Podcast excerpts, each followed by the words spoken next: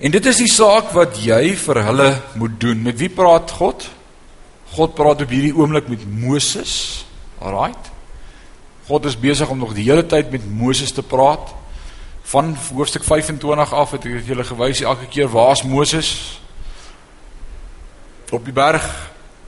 En die hele tyd sê God vir hom en doen alles wat ek vir jou gewys het en gesê het, alles wat jy gesien het. So Moses is besig om hierdie te skryf. Hierdie is die woorde van God. God praat met Moses en hy's besig om opdrag vir hom te gee.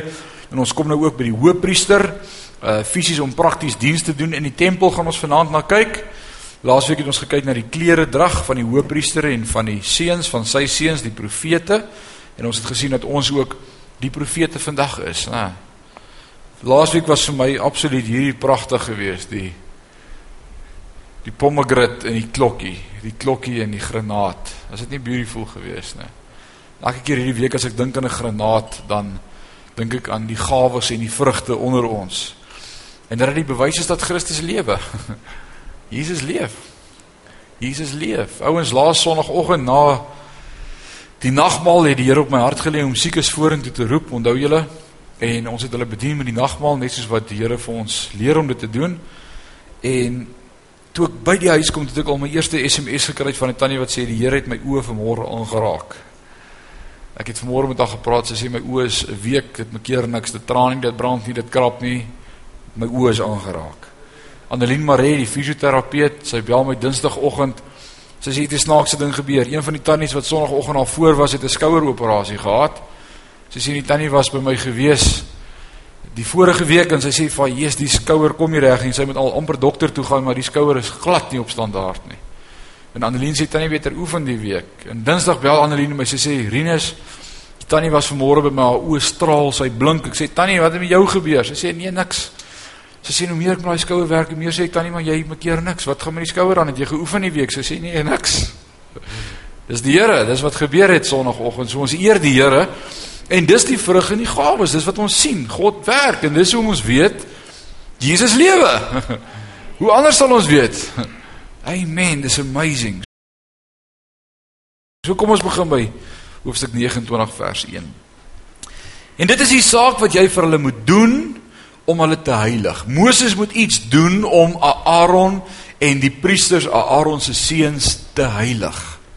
Hulle is nie net van nature geheilig nie, Die woord van die Here sê ons is almal in sonde gebore en ontvang en dit ontbreek ons aan die heerlikheid van God. Ouens, die mens se natuurlike stand is hy's geskei van God. Geen mens is goed gebore nie.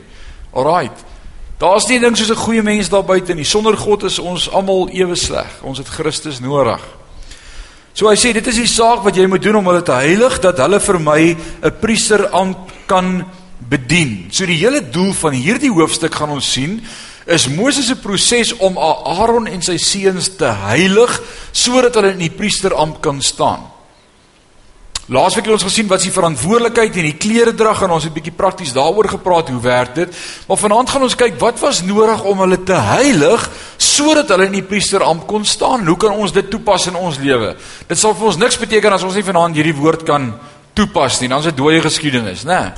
Ons bid dat die Here vanaand vir ons iets wys daardeur. Right. Neem een jong bul en twee ramme wat sonder gebrek is. Een ongesuurde brood en ongesuurde koeke met olie gemeng en ongesuurde platkoeke met olie bestryk. Van fyn koringmeel moet jy dit maak. En sit dit in een mandjie en bring dit aan in die mandjie saam met die bul en die twee ramme dan moet jy Aaron en sy seuns laat naderkom na die ingang van die tent van die samekoms. Ouens, kom ons dink weer terug aan die simboliek. Waar's die ingang van die tent van die samekoms?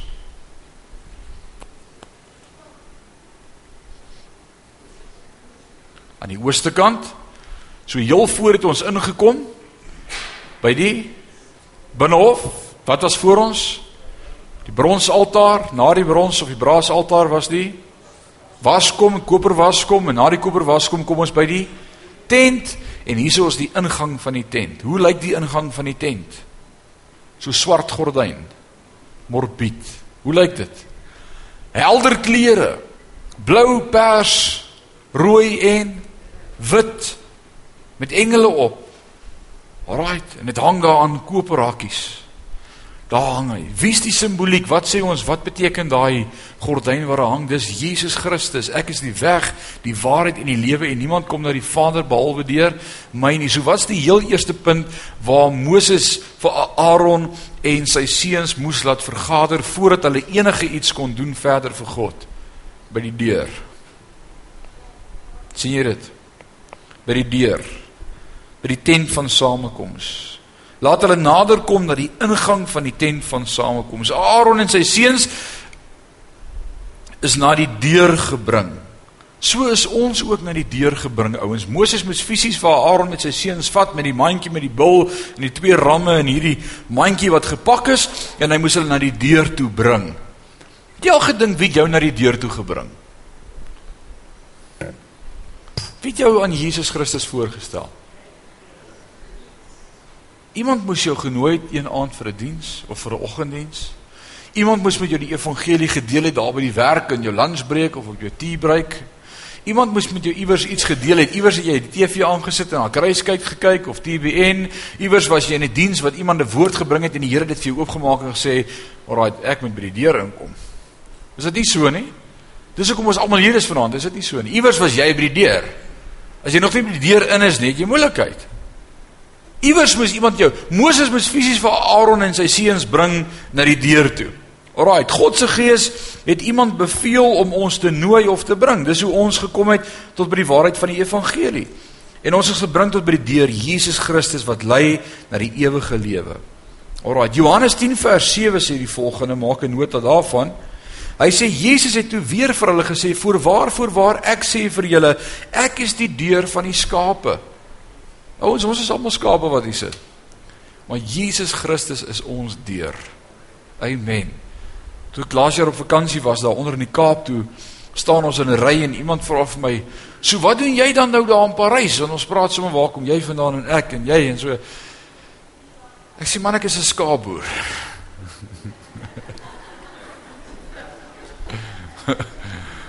Ek het 'n moeilike klomp skape, maar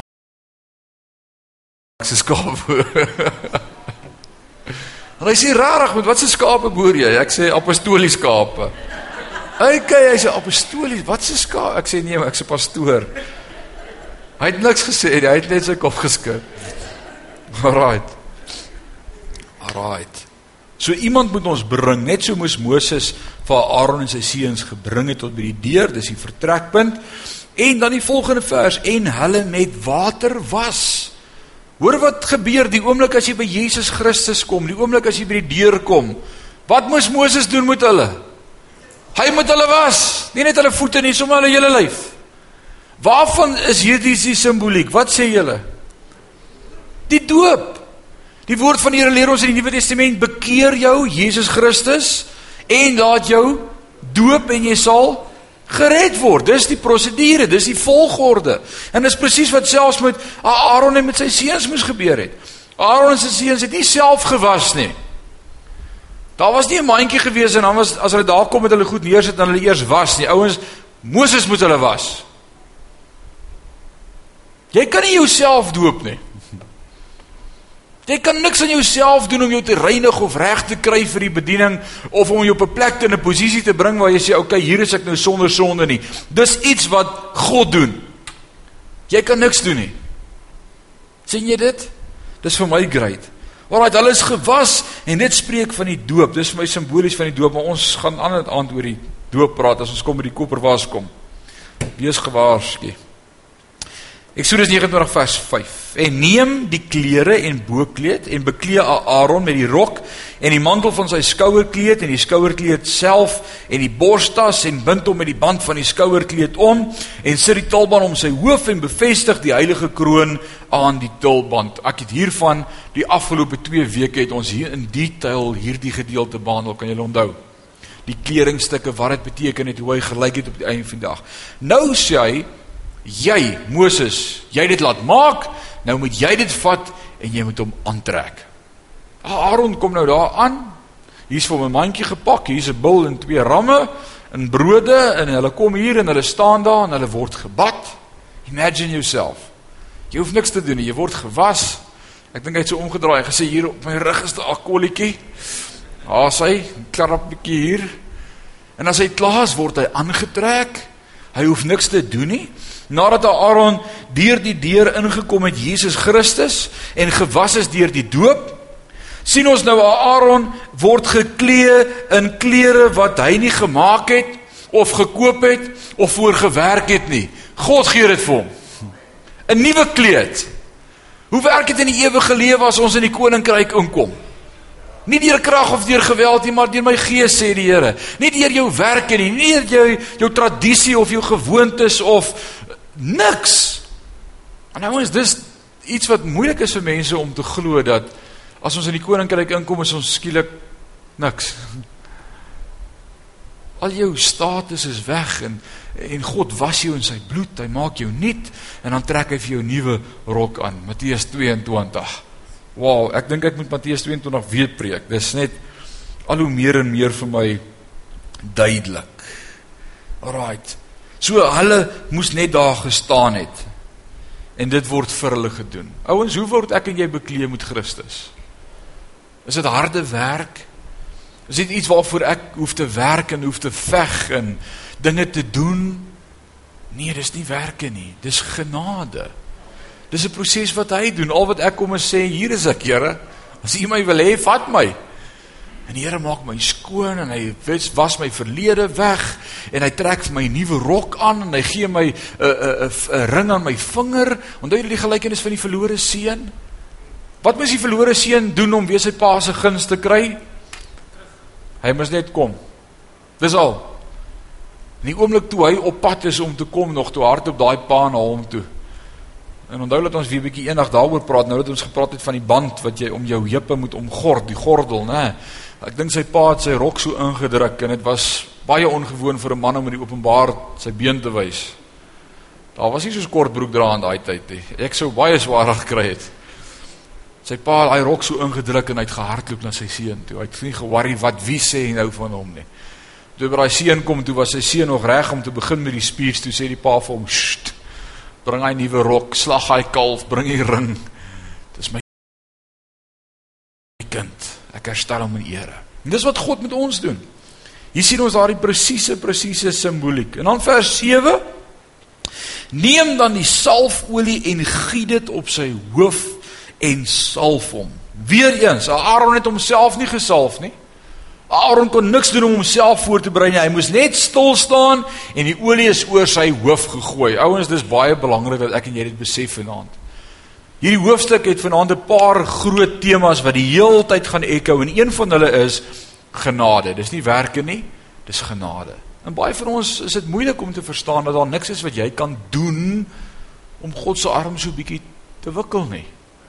Daar's niks. Jy kan nie. Aaron moes nie dit doen of dit doen of so maak of so maak nie. Hy moes net daar wees. Hy was net daar gewees. Ook sy seuns moes hy laat nader kom.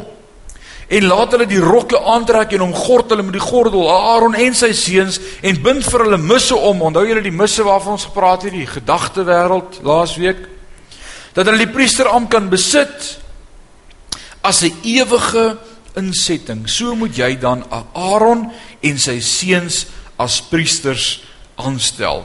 Hoe word ek en jy as priesters aangestel in die koninkryk?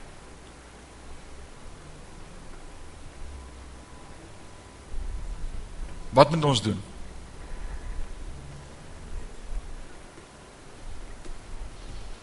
Dis die prosedure gewees hoe Aaron en sy seuns aangestel is as amp as priester. Wat moet ek en jy vandag doen?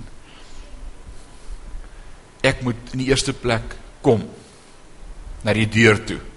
Jesus Christus. As ek by die deur gekom het en ek gaan met die deur in, wat gebeur volgende? Die doop. Ek laat my was. Ek sê ek volg Jesus deur die doopwater. Ek verstaan genade. En wat gebeur dan?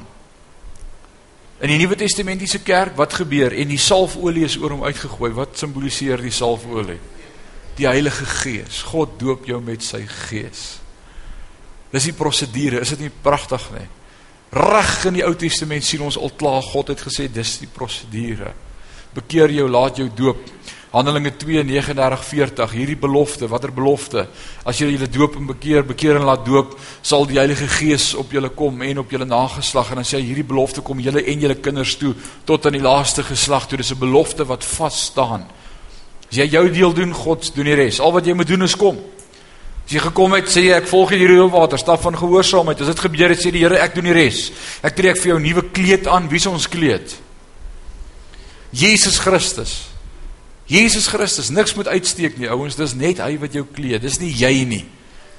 Dis nie jy nie, dis hy. Hy doen alles. Alraai, dis dit nie beautiful nie. Net so, net soos wat Aaron priesterlike klere ontvang het, ontvang sy seuns dit ook. Dis nie werke nie, maar op grond van hulle verbintenis tot Aaron die hoëpriester. Hoor nou hier. Net so moet jy aan Aaron se seuns doen op grond van hulle verbintenis tot Aaron. Alraai, wie is ons hoëpriester? Jesus Christus. En op grond van ons verbintenis tot hom ontvang ons 'n nuwe kleed. Hy is ons geregtigheid. Daarom kan jy nie met 'n nuwe kleed bekleed word as jy nie 'n vriend word van Jesus nie. As jy nie verbind word met Jesus nie. En hoe vind dit plaas? Wedergeboorte, bekering. Alraai. Beautiful. Matteus 22 en die Vader het ingekom en oor die skare gekyk en hy sien iemand daar wat sonder 'n rok aan sit wat nie gekleed is nie en hy sê vir hom: "Vriend, hoe het jy hier ingekom sonder die bruilofskleed?" Jy kan dit nie maak in die koninkryk in sonder Jesus Christus nie, ouens. Jesus Christus beklee ons. Amen. Hoor wat sê 1 Petrus 2 vers 9. Hy sê maar julle is 'n uitverkore geslag, 'n koninklike priesterdom, 'n heilige volk, 'n volk as eiendom verkry om te verkondig die deugde van hom wat julle uit die duisternis geroep het tot sy wonderbare lig. Wie het jou uit die duisternis geroep? God het jou geroep. Jy is geroep. Efesiërs sê dit vir ons so mooi, is dit Efesiërs 2, 8 en 9, 10, wat sê julle is deur genade is julle geroep nie deur werke nie, maar deur genade. Maar hy sê nie eers deur julle eie geloof nie, maar geloof wat vir julle gegee is. Nie eers die geloof wat jy gehad het om in God te glo is was joune nie. Hy het alles gedoen. So wat het jy te doen met jou redding? Watter aandeel het jy gehad in jou redding? Dink gou 'n oomblik daaraan.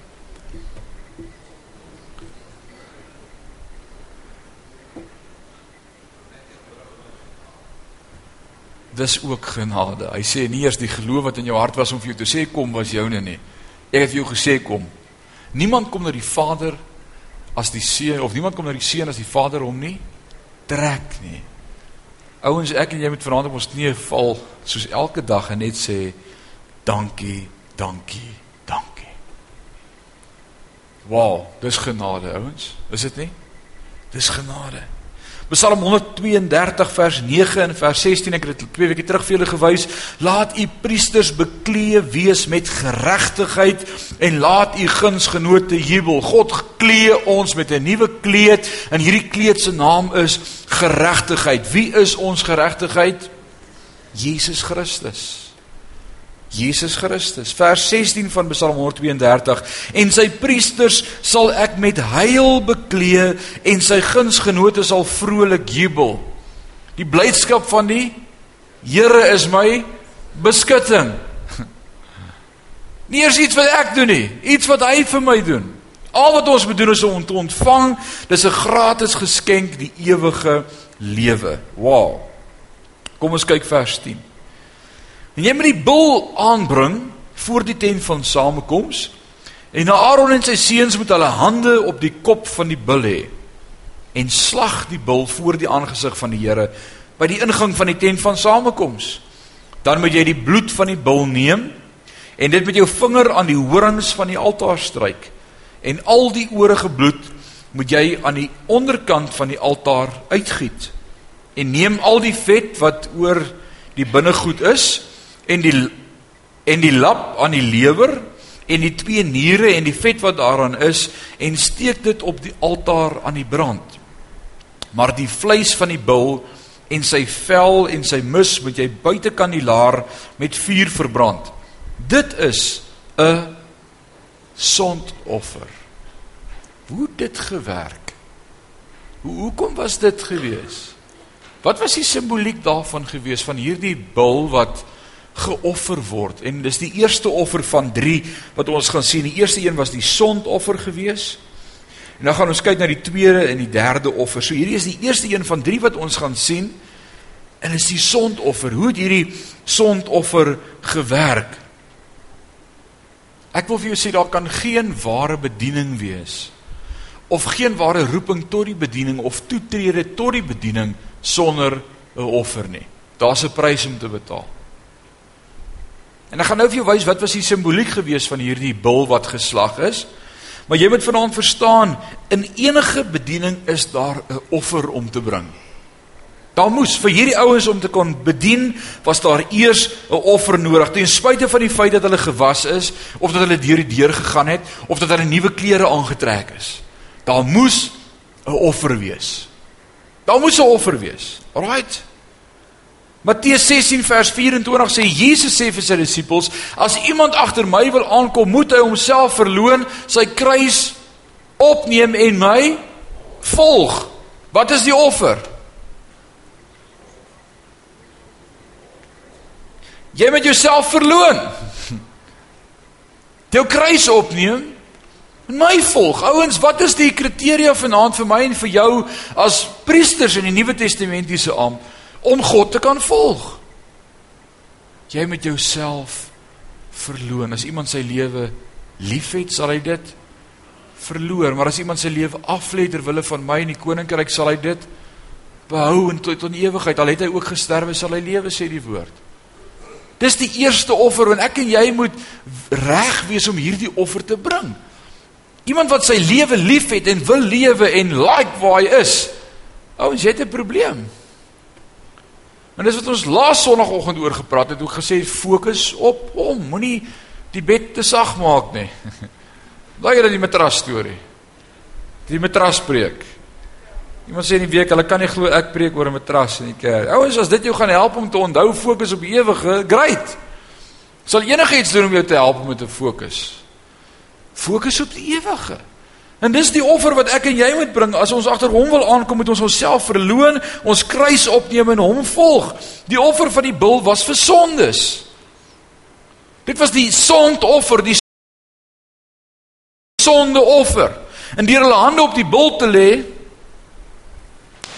Deur hulle hande op die bul te lê, het hulle erken dat hulle sonde het en hulle assosieer met sonde. Dit was 'n skulderkenning gewees. Ons het sonde, ons het 'n offer nodig en het hulle hande op die bul gelê en hulle sonde oorgedra op hierdie arme ou bul. Kon dit hulle sonde weg was? Wat was die storie gewees? Simbolies Vir hoe lank is hulle sonde uitgedra? Vir hoe gereeld het die hoëpriester en allerheiligste ingegaan om in te tree vir die volk? Eenmal 'n jaar, wat het gebeur met daai sonde? Is dit vergewe? Is dit vrygeskeld? Is dit gekansel? Is dit met 'n uitveer uitgevee?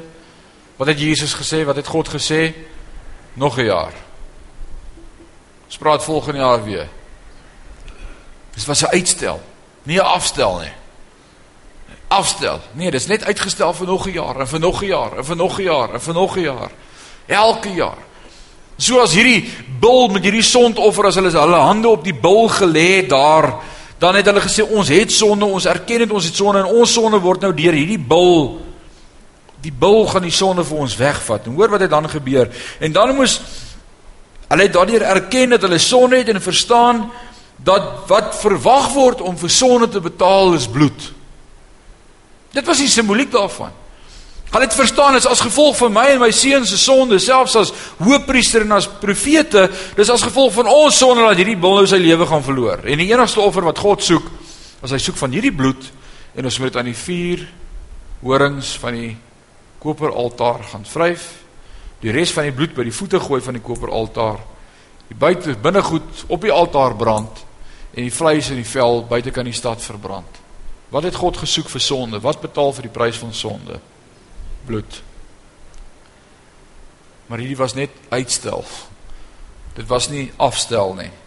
So waarop dui dit vir jou en vir my? Dis die maklike deel van die vraag. Wat was die simboliek daarvan vir my en vir jou? Dit dui op Jesus Christus. Die een wat my en jou sonde op hom sal neem. Die spykers, die vuur, horings op die koperaltaar, onthou jy die aand ons het gedoen het? Ek het nog van die nag gevra wat is die vier horings op die koperaltaar? Toe sê sy dis die spykers van die kruis. Dit het die offer, die bil op die altaar gehou. Want onthou 'n lewendige bul spring af, so dit hom vasgemaak met rieme aan daai vier hakkies, aan daai vier goue horings, koper horings vasgebind. Wat het Jesus aan die kruis gehou? Ja, die spykers, maar dit was sy liefde. Hy sê niemand het my lewe gevat nie, ek het dit gegee. Ouens, dis presies waarvan hierdie simboliek nog steeds praat. Alraai. Vers 15. Neem dan die een ram en Aaron en sy seuns moet hulle hande op die ram se kop lê. Daarna moet jy die ram slag en sy bloed neem en dit rondom teen die altaar uitgooi. En die ram moet jy in sy stukke verdeel en was sy binnegoed en pote en sit dit by die oorige stukke en by die kop. En jy moet die hele ram op die altaar aan die brand steek. Dit is 'n brandoffer aan die Here, 'n lieflike geur. 'n Vuuroffer is dit vir die Here. Die hoeveelste offer is hierdie wat ons sien? Die tweede een. Wat was die eerste een gewees? Die sondoffer, die bul. Nou kom ons by die brandoffer, die tweede ene. Interessant, interessant, net interessant, geen simboliek nie. Interessant dat hulle die afval ook saam met die saam met die ram op die altaar moes aan die brand steek en die Here sê dit was 'n lieflike reuk. Hou jy ook van afval? Ek hou van afval. Ek raak so honger as ek dit lees. right. Hulle moes dit aan die brand steek en dit was 'n lieflike geur, 'n vuuroffer vir die Here. Alraait, nie die sondoffer of die brandoffer, die sondoffer het na die brandoffer gevolg spreek van onverdeelde toewyding aan God. Dit was die doel gewees van hierdie brandoffer. Na die sondoffer kom die brandoffer, dit spreek van onverdeelde toewyding aan God. Die eerste het met sonde gedeel, nou het ons klaar met die sonde gedeel. Die eerste offer was vir sonde. Great, my sonde is betaal, die prys is betaal, ek is nie meer 'n sondaar nie. Hoekom offer ons 'n tweede keer? Hoekom hierdie? Dit is vir toewyding tot die bediening. Dis waaroor dit gegaan het. Daar's 'n offer om te bring om jouself toe te wy tot die voltydse bediening as priester in die koninkryk. Vir jou en vir my. Ons kan nie net sê dankie Here het vir ons sonde gesterf en ons is gedoop en dit bly nou daar nie. Daar's 'n volgende dimensie, ouens. Daar's 'n volgende dimensie. Daar's nog 'n offer wat gebring moet word. Toewyding tot die bediening. Ons onverdeelde toewyding aan God. Alraight. En dan kom ons nou by die derde offer. Kom ons lees verder vers 19. Dan moet jy die ander ram neem en na Aaron en sy seuns moet hulle hande op die ram se kop lê. Jy moet dan die ram slag en sy bloed neem en dit stryk aan die regter oorlel van Aaron en aan die regteroor lel van sy seuns en aan die duim van hulle regterhand en aan die groot toon van hulle regtervoet. En die oorige bloed moet jy rondom teen die altaar uitgooi, dan moet jy die bloed van die altaar wat aan die altaar is neem van die salfolie en dit sprinkel op Aaron en sy klere sowel as op die seuns en op die klere van sy seuns saam met hom dat hulle heilig kan wees en sy klere sowel as sy seuns die klere van sy seuns saam met hom. Wat gebeur nou? In die eerste plek hulle sonde is vergewe, die sondoffer. In die tweede plek nou bekwam hulle self tot die bediening. Hulle is besig om hulle voor te berei om om hulle toe te wy tot hierdie bediening, hierdie onverdeelde toewyding aan God. Maar nou die derde offer. En wat was die doel van hierdie derde offer gewees? Heiligmaking. Heiligmaking. Heiligmaking. Sê die woord saam met my. Heiligmaking. Wat sê die woord van heiligmaking, ouens? Dink sommer so vinnig, wat wat wat kom by jou op as jy dink heiligmaking? Hoe sit dit aan die Elsa? Sonder heiligmaking sal niemand God sien nie. Wat is heiligmaking, ouens? Ek is dan gered. My sonde is vergewe. Ek is dan toegewy in die bediening. Hoe, hoe wat is wat is heiligmaking? Heiligmaking is 'n daaglikse proses om nader en nader aan God te kom. Dis heiligmaking. Dis 'n proses. Hoekom hoekom die bloed aan die regter oorlel en aan die regter duim en aan die regter groot toon? Heiligmaking, wat wat moet heilig gemaak word? Wat gebeur deur die bloed? Alles wat ek al ooit gehoor het, hou my ore rein, maak my ore toe vir wat verkeerd is. Help my om die regte goed te hoor en om u stem te hoor. Help my dat ek nie na verkeerde goed sal luister nie. Vergewe dit wat ek al gehoor het in my lewe wat verkeerde indrukke by my gemaak het. Die bloed aan die oor baie praktiese simboliek ouens. Hoekom aan die regtervinger? Hande, werke, optrede, doen, vat. Vir alles wat ek al gevat het, wat ek al gedoen het, wat ek nie moes doen nie. Hierdie hande, hierdie werk, praktiese heiligmaking. Heiligmaking het te doen met my wandel, ouens. Met my handel en met my wandel. Dis prakties. Dis nie 'n geestelike ding wat daar gebeur in hier binnekant en ooh, nou sit 'n maag. Heiligmaking is 'n praktiese proses waarmee God my en jou optrede verander. En dis presies wat hulle die simboliek by Aaron en sy seuns wou tuisbring. Is dis nie net 'n geestelike ding van jou sondes is nou vergewe nie. Nee, ek wil hê jy moet nou die vrug openbaar van bekering. Wat preek Johannes die Doper?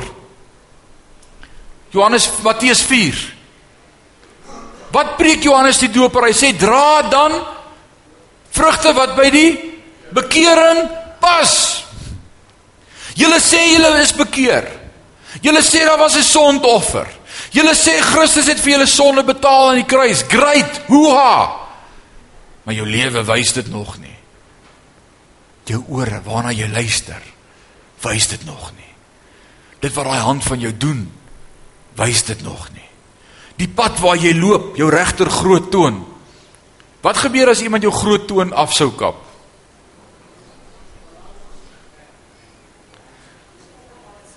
As jou groot toon af is, sê hulle jy het geen balans nie. Ek jou balans het in jou groot toon. Onthou jy die koning wat hulle gevang het? Die Israeliete vang daai Filistynse koning En wat doen hulle toe hom vang? Hulle kap sy duime en sy groot tone af en hy's magteloos. Hy het geen balans nie. Hy's 'n gevangene en wat bely daai koning? Hy seker dit hoeveel keer moet een moet ander mense gedoen. Dis niks anders as reg dat dit met my gebeur nie. Wat ek gesaai het, het ek gemaai. Hoekom jou toon? Jou groot toon. Dit dui op jou wandel, die pad wat jy loop. Waar loop jou voete? Ouens, dis een ding om by die deur te kom. Dis een ding om te sê ek is gewas. Dis een ding om te sê Jesus het vir my sonde betaal. Dis een ding om te sê ek is toegewy tot die bediening. Maar daar's 'n volgende faset. En onthou ek het vir julle dit gewys in die tabernakel ook. Daar's ouens wat inkom hier onder by die deur en hulle is net happy. Hulle is gered en hulle is gedoop en hulle is happy. Man, dis genoeg vir hulle. Hulle sing ook net. Dis genoeg vir my om te weet Jesus het my lief. Great. Ken jy daai koortjie? Hulle sing 'n dag en nag. Dit laat my so lekker sing. Halleluja. Maar dis fyn. Maar ons geen verdere begeerte om dieper te gaan en meer te hê en in die bediening te kom nie. En nou kom hier die tweede offer, die ram wat geslag word en die binnegoed wat gebrand word vir toewyding. En hulle sê ons wil ons toewy tot die bediening. Ons wil hier deur die deur die ons wil hier ingaan deur die deur. Ons wil hier staan kom by die kandelaare en by die toonbrode en by die by die wierook. Ons wil ons wil intree vir die volk. Ons wil die brood bedien. Ons wil die brood deel met ander mense. Ons voel 'n roeping op ons lewe om ons te bekwam om vir God te werk. En ek het vir julle gewys dat dit eintlik ons almal moet wees. Ons is priesters in die Nuwe Testament. En dis grait om daar te wees. Maar daar's 'n beter plek. En daai plek is in die allerheiligste. Maar jy kan nie in die allerheiligste sonder heilig making nie. En dis die vrug van bekering. Dis die vrug van bekering. En ben baie keer kyk ons na mense en ons kyk na hulle optrede ons kyk wat hulle doen en sê ons nee jong, hy kan nie 'n kind van die Here wees nie. Die kinders van die Here doen nie sulke goeters nie. Ouens kinders van die Here is normale mense wat ook foute maak. Daar het geen magiese ding met jou gebeur gebeur toe jy God se kind geword het. Jou gees is gered. Maar ons sit nog steeds in hierdie vleistempel. En jou vleis is nie gewederbaar nie. Jou vleis word gewederbaar daardie dag as Christus gaan kom, sê Tessalonisense sal ons in een oomblik met onverganklikheid bekleed word. Hierdie vleis is nog verganklik. Wie van julle kan dit sien? As jy in die spieël kyk, jou hare val uit, kyk in die bad waar daar dryf. Hoop is net hare, maar jy jy's besig om ouer te word. Alraight. Kyk in die spieël, jy kry plooie. Jy raak oud, spat hare. Ek bedoel, ons raak oud. Ek trek my grys hare met 'n tweezer uit. Ek het baie grys hare hier. So my vrou sê ek moet dit nie doen nie. Ons is besig om oud te word. Hierdie vlees is besig om te vergaan. Hierdie vlees gaan nie vir altyd bly nie. En vir baie van ons is dit 'n groot issue. Ons sit die oil of olie aan en ons probeer om ons probeer om mooi maintain, maintenance te doen op hierdie stuk vleis. Polyfillen, jy mummify eintlik maar net hierdie stuk vleis ouens.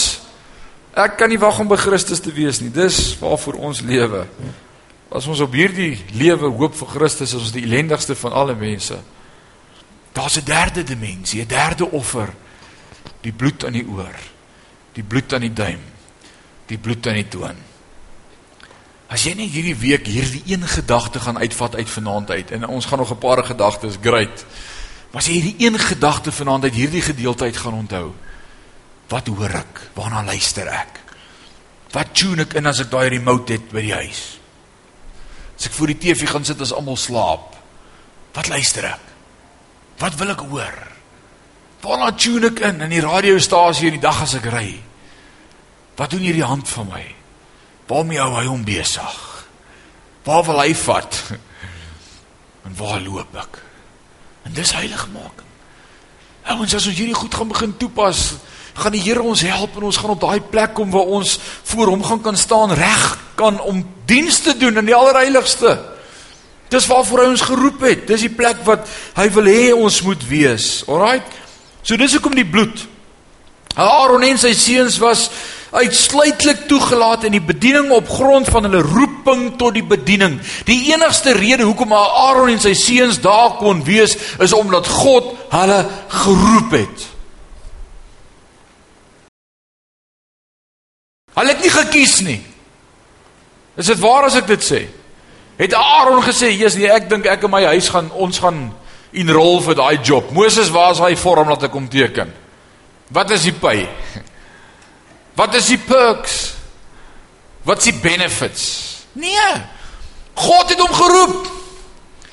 God het hom opgeroep. Alraait, en dit tel ook vir ons. Ons is deel van God se familie uitsluitlik deur Jesus Christus.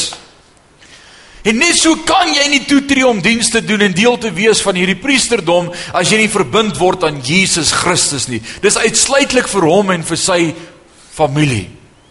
Johannes 1 vers 12 sê, maar almal wat hom aangeneem het, aan hulle het hy mag gegee om kinders van God te word, aan hulle wat in sy naam glo. Dis hoe ons deel word van sy familie. Hy het aan ons mag gegee om kinders van God te word, ons wat in sy naam glo. Kan jy vanaand sê amen, ek glo in sy naam. Ons glo in sy naam, Jesus Christus. En uitsluitlik daarop grond daarvan kan ons vanaand sê ons het deel in hierdie bediening as priesters. Alraight. Niks is deur Aaron of sy seuns gedoen in hierdie seremonie sover nie. In hierdie 21 verse moes al wat hulle moes doen is hulle moes daar wees. Sal wat hulle moes doen?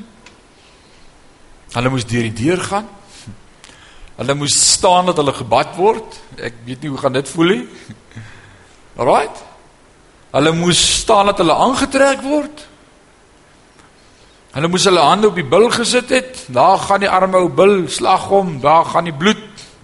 Moes hulle hande op die ram sit, daar gaan die bloed. Hulle moes hulle hande op die volgende ram sit, daar word hy geslag. O, oh, dis royalty. Wat het Aaron en sy seuns eniges deel aandeel gehad in hierdie proses sover? Hulle moes net daar wees. Wat se aandeel het jy in jou redding? Ouens, dit vat baie om vir jou op daai plek te bring wat jy besef niks. Baie kinders van die Here dink hulle werk vir hulle redding en dis ja, dit was deur genade, maar nou dat hulle gered is met hulle werk. Ouens, hoe meer ek dit begin verstaan en ek begin dit nou eers verstaan, hoe meer verstaan ek daar's niks wat jy en ek kan doen vir ons redding nie. God doen als. God doen als. Ek dank die Here daarvoor. Alraight. Dis wat Jesus vir ons gedoen het. Kom ons lees verder van vers 22 af. En neem van die ram die vet en die vetstertjie. mm. Ook die vet wat oor die binnegoed is. Mm. en die lap aan die lewer en die twee niere van die vet wat daarin is en die regterbout. Hmm. Want dit is 'n wydingsram. En een ronde brood en een oliekoek en een platkoek uit die mandjie met ongesuurde koeke wat voor die aangesig van die Here is. En lê dit alles op die hande van Aaron en op die hande van sy seuns en beweeg dit as beweegoffer voor die aangesig van die Here. Neem dit dan uit hulle hand en steek dit op die altaar aan die brand bo op die brandoffer. As lieflike geur voor die aangesig van die Here. Dit is 'n vuuroffer aan die Here en neem die bors van die wydingsram van Aaron en beweeg dit as beweegoffer voor die aangesig van die Here. Daarna moet dit jou deel wees. En jy moet die bors van die beweegoffer heilig en die bout van die beweeg van die van die hefoffer wat beweeg en gehef is van die wydingsram wat vir Aaron en sy seuns geld. En dit moet vir Aaron en sy seuns wees tot 'n ewige insetting van die kant van die kinders van Israel. Want dit is 'n hefoffer. En dit sal 'n hefoffer wees van die kant van die kinders van Israel van hulle dankoffer, hulle hefoffer aan die Here. Alraight. Wat mos nou gebeur het met hierdie derde ram wat geslag is? Van die binnegoed van die bout vetstertjie moes geneem geword het. Dit moes voor God beweeg geword het om te sê Here, dankie vir 'n werk wat U doen is nie iets wat ek doen nie. Heiligmaking is 'n proses wat God in my lewe doen. Al wat ek moet sê is Here, ek soek U. En dan moes dit op die brandoffer gesit geword het en dit is aan die brand gesteek as 'n lieflike reuk voor die aangesig van God. En dan wat het gebeur met die ander stuk van die bors en met die bout? Wat het daarmee gebeur? Wie het geëet? Aaron en sy seuns skaapvleis. Ek het gesê ek gaan vanaand oor skape en beeste preek. Wonder hoe lyk 'n skaap? Ouens en hulle het daarvan geëet. Nou wil ek vir jou gou hierdie mooi simboliek wys wat ek hierin sien. Toe hulle inkom nadat hulle aangetrek is, nadat hulle gewas is, was hulle hande vol wat gewees want hulle het hulle hande op die bil gaan sit. Waarvan spreek die simboliese handoplegging op die bil dat ons met wat kom? Sonde en dit gaan nou op die bil. Alright. Nou dat hulle sondes op die bil gesit het het hulle hande leeg geword. En nou kom Moses en hy sit in hulle hande vir hulle iets Hy sit vir hulle tools en instrumente waarmee hulle God kan aanbid. Hy sit vleis in hulle hande wat hulle kan beweeg voor die aangesig van die Here waarmee hulle hom kan dien en dan gee God terug in die plek van dit wat hulle gebring het, sit hy iets in hulle hande. Hy sê daar's vir jou skaapbout en 'n ribbetjie en 'n uh, bors en 'n ster. Nee, daar's net een stertjie. God sit daarin. Met ander woorde, jy kom met jou onvermoë, met jou leë hande, met jou sonde, maar weet jy wat dit noem ons genade dat God selfs in jou leë hande vir jou nog iets sit om hom mee te aanbid ook. Wat ek het is net genade. Wat ek het is net geleen. Dit kom van God af. Hy gee dit vir my. Daarom moet nooit roem in wat jy het nie. God het dit vir jou gegee omdat hy wil hê jy moet hom daarmee dien. Dit moet jy verstaan as deel van die priesteramp. Dat dit wat in jou hande gesit word vir die bediening kom van God af op die regte tyd. Jy het niks gedoen daarvoor nie. Baie ouens sê, "Jesus, ons moet nou ons bekwam. Ons moet nou ons moet gaan tools soek. Ek moet nou 'n skaapbout gaan loop soek dat ek die Here kan." Weet jy wat God sê? "Toe maar ek gaan sommer vir jou die skaapbout in jou hand sit waarmee jy my eer." Jy hoef nie eers te gaan soek vir een nie. Ek gaan die tools vir jou gee. En dis dwars deur die Bybel die onderwerp en die tema wat in alle bedienaars se lewe dieselfde was dwars deur die Bybel. Is al wat jy moet sê is hier's ek my hande is leeg en die Here sê hou jou hand dat ek vir jou iets insit. Dat jy my daarmee kan aanbid. Hy sê rarig. Rarig. Noag het gesê Here ek het niks nie. Die Here het gesê hou jou hand ek gaan vir jou tools gee en daar's 'n klomp bome wat ek gemaak het. Nou kan jy vir my 'n boot bou daarmee. Noag het nie die bome geplant en nat God het dit vir hom gegee. God het alles vir hom gegee. Hy het tot die plan vir hom gegee. Alles. Wat moes Noag doen? Gehoorsaam wees.